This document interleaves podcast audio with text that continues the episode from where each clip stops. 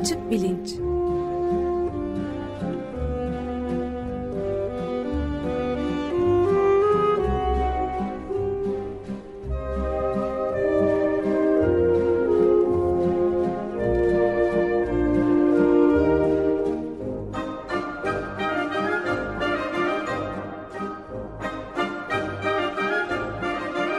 Güven Güzeldere ile bilim ve felsefe sohbetleri. Günaydın Güven Bey, merhabalar. Günaydın Ömer Bey. Günaydın. Günaydın Özdeş. Evet, açık bilinçte bir konumuz yok bugün ama e, ilginç bir konumuz var. Siz anlatır mısınız? Panpsişizm ve animizm benzer, benzerlikleri gibi bir konumuz olacak. Evet, yani aslında bu e, Nicholas Humphrey isimli e, nörobilimcinin Sentience isimli kitabından bahsediyoruz iki programdır. Biraz daha ona devam edeceğim çünkü bu e, Sentience kitabında geçen ve benim de e, iki önceki programda şöyle bir değindiğim panpsişizm e, görüşü çok e, rağbette bu aralar. Niye öyle biraz ondan bahsetmek istiyorum. Hem de gelecek hafta Bilkent Üniversitesi'nden felsefeci Tufan Kıymaz konuğumuz olacak. O bu işleri iyi biliyor ve panpsişizmi daha derinlemesine bize anlatacak. Ben de panpsişizmle akraba olan hatta bazı insanlara göre aynı e, kavrama çıkan animizm konusuna da değinmek istiyorum. Animizm de önemli çünkü ekoloji hareketlerinde özellikle e, animizme çok yer veriliyor. E, bence bunun doğru olan bir tarafı var, doğru olmayan bir tarafı da var. İkisinden de bahsetmeye çalışacağım. Fakat önce şundan bahsedeyim. Ge geçen haftaki programı dinleyenler şunu hatırlayabilirler. E, Nicholas Humphrey işte gençlik zamanlarında doktora da galiba ya da doktor sonrasında Oxford Üniversitesi'nde İngiltere'de e, hayvanların estetik tercihleri olabilir mi diye bir sorunun peşine düşüyor. İşte bunu da daha sonra bu duyumsamayla falan bağlayacak neyse e, bir deney yapıyor. Maymunlar mavi ışıktan mı kırmızı ışıktan mı daha çok hoşlanır diye. Fakat bu kitabında anlatıyor ki aslında topladığı veriler e, başka türlü de yorumlanabilir. Dolayısıyla yani kendisi deney yaptıktan sonra maymunlar mavi ışıktan daha çok hoşlanıyormuş diye bir sonuca ulaşıyor ama aslında bu sonuca ulaşamayacağına kanaat getirmiş zaman içinde. Çünkü daha başka bir e, açıklaması olabilir. E, işte kırmızı ışık maymunları daha bir harekete geçiriyordur. Onun için odada çok kalmıyorlardır. Mavi ışık daha onları sakinleştiren bir ışık olduğundan belki bunun psikolojik tercihle, estetik tercihle bir alakası yoktur filan Şimdi bu konudan konuya da biraz değinmek istiyorum ilk olarak aslında. Çünkü mesela evinde kedisi köpeği olan herkes e, çok iyi bir şekilde gözlemliyordur ki e, bütün bu ev hayvanlarımızın yiyecekle ilgili tercihleri tabii ki var. Yani işte kuru mama veriyorsunuz, kediniz seviyor, yiyor neyse. Ama işte bir ton balığı konservesi açtığınız zaman yanında da çılgına dönüyor. Mesela çok daha fazla istiyor ya da istemiyor neyse. Ama davranışlarında bir farklılık oluyor. Dolayısıyla hayvanların tercihinin olduğu yani bir tercih yaptıkları hayatta pek çok konuda son derece bariz bir şey. Peki Nicholas Humphrey niye böyle bununla bu kadar uğraşmış diye sorabiliriz o zaman. E, bir şekilde bir işlevsel e, rolü olmayan e, tercihleri galiba işte böyle estetik tercihler olarak görüyor e, Nicholas Humphrey ve öyle bir şey bulmaya çalışıyor. Yani e, renkler mesela işte bir odada otururken siz e, odanın oda kırmızı ışıkla mı mavi ışıkla mı aydınlatılmış olsun. Bunun doğrudan işte yemekle, içmekle, eş bulmakla, kaçmakla ya da dövüşmekle falan yani temel biyolojik ihtiyaçlarla bir ilgisi yok. E, o tür e, tercihleri var mı hayvanların diye soruyor. E, yani işte bu müzikle ilgili, seslerle ilgili olabilir, renklerle ilgili olabilir filan. Şimdi şöyle bir şey yapsak, yani mesela bir maymuna işte bir e, muz veriyorsunuz, maymun da büyük bir zevkle yiyor, muz sevdikleri bir meyve. E, iki tane muz aldınız diyelim, birini maviye boyadınız, birini kırmızıya boyadınız. E, işte koydunuz maymunun önüne, E, diyorsunuz ki şimdi muzu zaten seviyor biliyoruz. E, ben de aynı muzdan veriyorum. iki tane biri kırmızı biri mavi. Bakalım mavisinden mi daha çok hoşlanacak maymun yoksa kırmızısından mı? Diyelim işte maviyi seçti e, maymun tesadüfen ilk seçişte. E, sonra da kırmızıyı da yedi. Diyelim ikisini de yedi. Ama mesela e, mavi muzun tadı daha çok hoşuna gitti. Çünkü o daha e, olgunlaşmış bir muzdu. İçinde daha çok şeker vardı filan. Neyse yani tadını beğendi. Bundan sonra önüne koyduğunuz bütün mavi kırmızıya boyanmış muzlar arasında hep maviyi seçiyor. Buradan demek ki maymun mavi rengi kırmızı rengi tercih ediyor sonucu çıkmıyor. Yani çünkü mavi seçiyor olmasında başka bir neden olabilir. İşte mavi muzun tadı daha hoşuna gitmiştir. Ondan sonra da hep daha hoşuna gideceğini düşünüyordur filan. Dolayısıyla bu tür bir işlevsellik e, unsuru içinde barındırmayan bir tercih yapar mı hayvanlar? E, bu daha e, sofistike bir şey. İnsanların böyle tercihleri var. Acaba maymunların da olabilir mi diye merak etmiş Nicholas Benim anladığım kadarıyla e, niyeti bu. E, bu deneyi yaparken. Şimdi benim burada aklıma gelen yani kendi yaptığı deneyin çalışmadığını söylüyor Nicholas ama şöyle başka bir şey oldu. Bir anekdot e, aktarayım istiyorum. Bunu daha önce de galiba bir programda kısaca anlatmıştım. E, Franz de Waal diye bir primatolog var e, biliyorsunuz hakkında da konuştuk filan Hollandalı e, Hollanda asıllı bir adam ama Amerika'da yaşıyor epeydir. Yerkes e, Primat Merkezi diye bir yerin e, işte yöneticisi. E, Georgia eyaletinde bu böyle dev bir primat merkezi. İşte bir, bir sürü hayvan kolonisi var içinde. İşte maymunlar ayrı, şempanzeler ayrı falan falan. E, buraya ben bir e, zaman işte hayvanlarda zihin konusu üzerine bir ders veriyordum. Oradaki öğrencilerimi toplayıp hep birlikte ziyarete gitmiştim bir davet üzerine. E, benim ilgimi çeken şöyle bir şey olmuştu. Şimdi bu şempanzelerin e, içinde bulunduğu koloni böyle dev bir çanak gibi bir şey öyle düşünün. E, etrafı da yani çeperi de işte tellerle kaplı. Dolayısıyla oradan atlayıp kaçamıyor şempanzeler.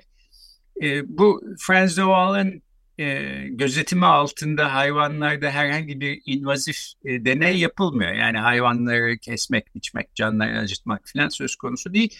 Daha ziyade doğal ortamlarında doğal ortama benzetilmiş bir ortamda nasıl yaşıyorlar bunu e, gözlemlemeye çalışıyor doğal.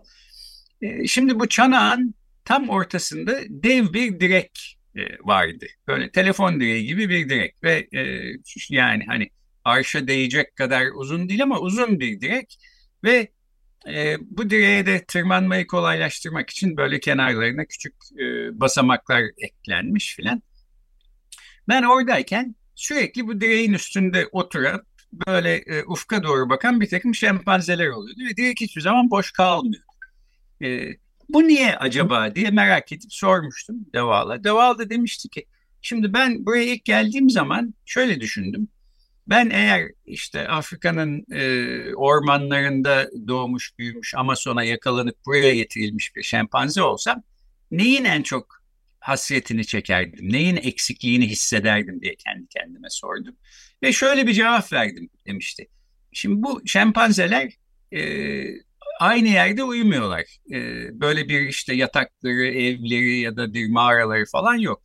E, kendilerine bir tür işte ağaçların üstünde bir tür yatak yapıyorlar her gece ve bunu sıfırdan yeni baştan yapıyorlar. Orada uyuyorlar.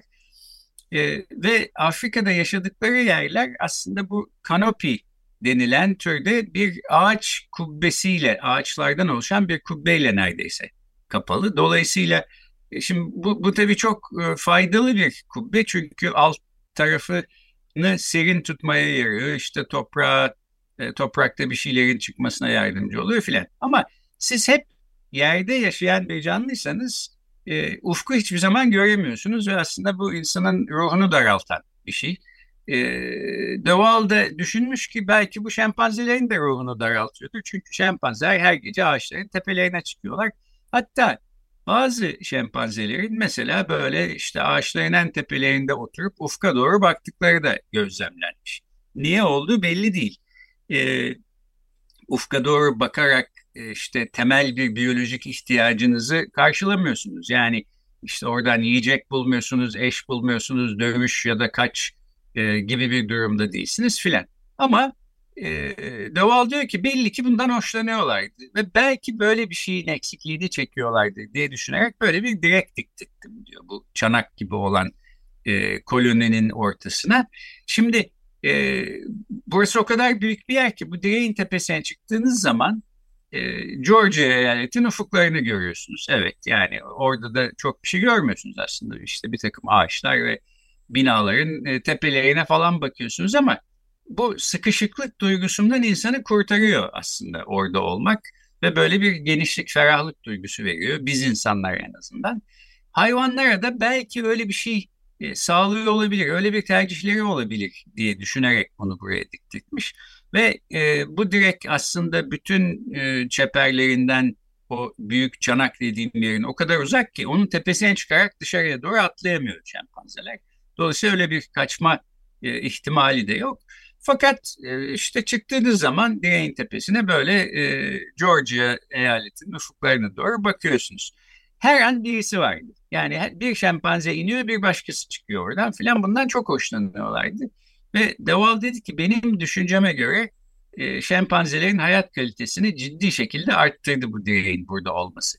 Şimdi bu da bir tercih meselesi değil mi? Ve e, hatta temel biyolojik bir ihtiyaca bağlanmayan bir tercih gibi geliyor bana. Yani bir tercihten hayvanlar tercih yapıyor mu diye e, soracaksak, böyle bir tercihten bahsedeceksek benim aklıma bu e, güzel bir örnek gibi geldi doğrusu. Çünkü hayvanlar belli ki tercih ediyorlar. Belli ki işte uğraşıp o direğin en tepesine kadar çıkıyorlar. E, hatta belki sıra bekliyorlar. İşte hiyerarşide kendilerinden daha yüksekte olan bir şempanze insin boşalsın da onlar çıksın filan diye. E, ve de doğrudan bir biyolojik e, temel ihtiyacı karşılamıyor gibi gözüküyor bu. Fakat hayvanların hoşlarına gidiyor. İşte yani bunu da bir tür estetik tercih olarak görebiliriz ve hayvanların estetik tercihleri var mı sorusuna evet cevabı verirken e, bunu da bir veri olarak kullanabiliriz diye düşündüm. Bunu da ekleyeyim istedim. Evet, belki şeyi de daha önce bunu da konuştuk hatırlıyorum. Ben e, gene Frans Lebal'in gene orada yaptığı bir deney hakkında da ilginç bir video vardı seyredip konuşmuştuk. Yani evet. e, adalet arayışının da belirli bir temel talep olarak e, şempanzelerde bulunduğunu gösteren bir deneyim deneyi vardı Frans Lebal'in. Yani evet. Beğenmediği, beğenmediği bir yiyeceği ısrarla ver, ver, verdiği zaman şempanzeye sonunda kafasına fırlatıyordu geri. Yani, evet. Ee, çok çok da hoş bir deney. Aynen yani e, orada e, küçük boy maymunlarla yapıyorlardı bu deneyi. Ya e, bir e, salatalık parçası veriyor evet. maymuna. Salatalık hoşlarına giden bir şey ve aslında normal zamanda çok sevinerek e, alıp yiyorlar. Ama işte yan kafesteki maymunun aynı bedel karşılığında e, bir salatalık parçası değil de bir üzüm aldığını gördüğü zaman maymun çılgına dönüyor. İşte ben niye üzüm e, almadım da bana e, salatalığımı layık gördün falan evet. gibisinden bir davranış. Ve göster- salatalığı kafasına fırlatıyordu. Salatalık yani. parçasını da kendisine onu veren teknisyenin kafasına atıyor falan istemiyorum al e, başına Alsın. çal der gibi. evet. e, bu tercih meselesi tabii yani şimdi üzümün içinden bütün e, şeker e, içeriğini e, boşaltsanız doku olarak e, salatalıktan belki çok farklı bir şey çıkmayacak ama o şeker e, çok şey fark ettiriyor ve işte hayvanlar üzümü her zaman için e, salatalığa tercih ediyorlar. Hatta e, üzüm beklerken salatalık kendilerine layık görüldüğü zaman da işte isyan ediyorlar filan. Adalet bu değil gibi bir davranış gösteriyorlar. E, neyse yani bu tercih konusunda diyeceğim buydu. Şimdi öbür konuya geleyim. Panpsişizmle animizm meselesine de biraz değineyim. E, pan Şimdi pan e, her şey demek aslında ve bunun işte panoptikon derseniz her şeyi gören bir gözden bahsediyorsunuz. E, pan Türkizm, pan Helenizm falan gibi siyasette de bir takım kavramlar var. Yani işte herkesin aslında e, kökeninde Türklük vardır diye düşünüyorsanız pan-Türkist bir görüşü savunuyorsunuz. İşte bütün dünya e, pan e, her, her tarafta bir Türklük unsuru buluyorsunuz. E, Yunanlılar da pan-Helenizm'de buna benzer bir şey söylüyorlar. E, panteizm diye bir görüş var. Tanrı'nın e, evrenin her parçasına sinmiş olduğu ya da e, evrenin her parçasının, var olan her şeyin Tanrı'nın bir parçası olduğunu iddia eden bir görüş. E, dolayısıyla böyle panlı görüşler çok. Pan psişizmde e, işte psühe denen şeyin ya da İngilizce'de psyche denilen kelimenin gösterdiği şey her neyse onun her şeyin içinde bulunabileceğini iddia ediyor. Ee, öyle bir görüş. Yani her şeyin bir ruhu vardır ya da her şeyin bir zihni vardır ya da her şeyin bir bilinci vardır e, gibi de söyleyebiliriz. Şimdi e, psyche kelimesi İngilizce'deki işte hem psikolojinin psisi hem psikiyatrinin psisi aslında. E, loji bilim ya da işte düzgün düşünme, sistematik düşünme sanatı demek. E, dolayısıyla psikoloji, ruh bilim, psikiyatri ise e, o da iatrodan işte hekimlikten ya da iyileştirmekten geliyor. Bunlar hep Latince ve Yunanca'dan geçmiş kelimeler. Psikiyatri de ruh hekimliği anlamına geliyor. E, yani oradaki psi aslında aynı e, kelime. Eski Yunan'da da antik Yunan felsefesinde de psüke diye bir kelime var. Bunu en iyi karşılayan Türkçe'de kelime can. Yani bir parça içinde canlılık veya hayat e, çağrışımı olan bir parça da zihin e, çağrışımı olan bir kelime aslında. E, pan psikizm dediğiniz zaman İngilizce'de ya da Türkçe'de pan psişizm diye çevriliyor. İşte her şeyin içinde bir bilinç vardır getirmiş oluyorsunuz. Şimdi bu bence e, doğru bir görüş değil. E, her şeyin bir bilinci olduğunu filan düşünmüyorum. Yani e, işte dünya kurulalı biri, atomlar, atom altı parçacıklar, taşlar, çakıllar her şeyde bir parça bilinç var filan. E, ama benim asıl ilginç bulduğum, bunu daha derinlemesine gelecek haftada konuşacağız sanıyorum. E, böyle bir görüş niye bazen moda oluyor? Bu ta antik Yunan'dan beri zaman zaman ortaya çıkmış, sonra unutulmuş, sonra tekrar ortaya çıkmış bir görüş. Bu bana biraz e, şimdi bu panpsişizm e, görüşünü beğenenler ve benimseyenler kusura bakmasın ama biraz çaresizlikten ve ümitsizlikten e, kaynaklanan bir durum gibi geliyor. E, panpsişizmin 21. yüzyılda yani işte son 10-15 yılda yeniden e, meşhur olmasının da rağbete binmesinin de moda olmasının da bence asıl sebebi e, bu bilincin zor problemi diye bilinen bir problem var. E, buradan e, kaynaklı. Bilincin zor problemi diyor ki e, beyin gibi bir veya sinir sistemi gibi ya da beden gibi bir maddi nesneden nasıl olur da bilinç tezahür eder? E, bunu anlayamayız, buna cevap veremeyiz.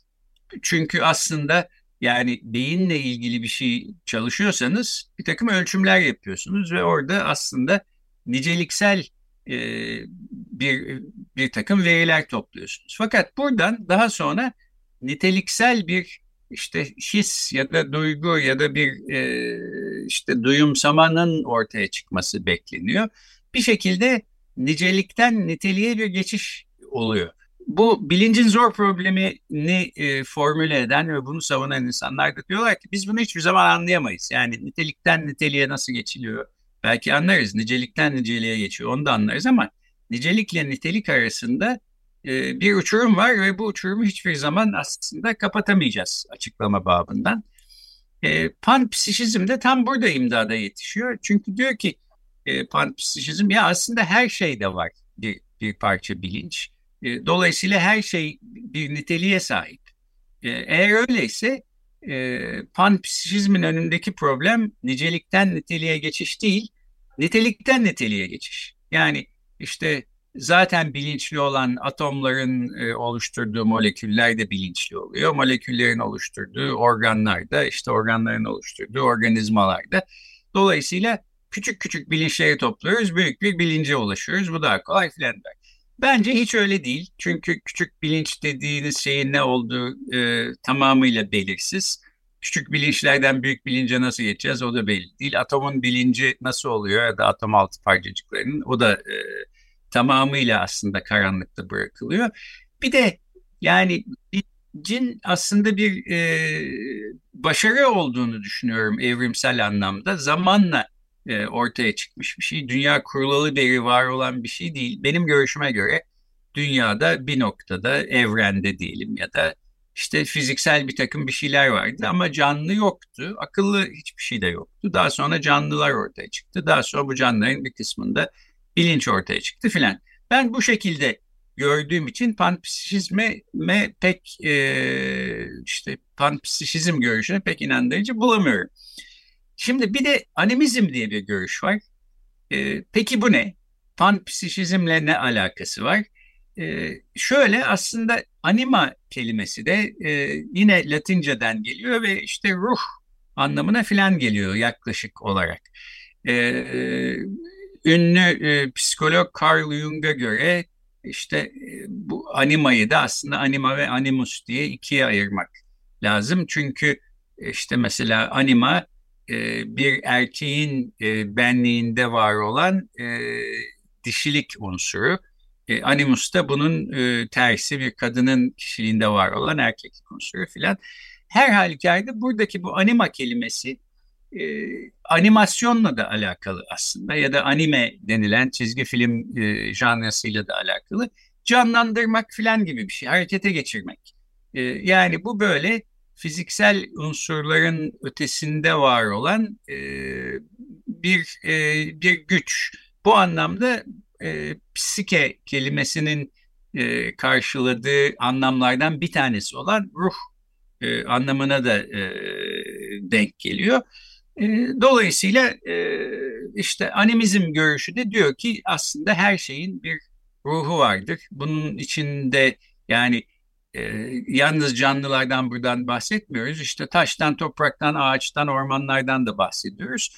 Burada da e, ekoloji hareketleriyle aslında temas ettiğini görüyoruz bu animizm görüşünün. Çünkü animizm e, çok e, kadim bir görüş, çok eskilerden beri var olan.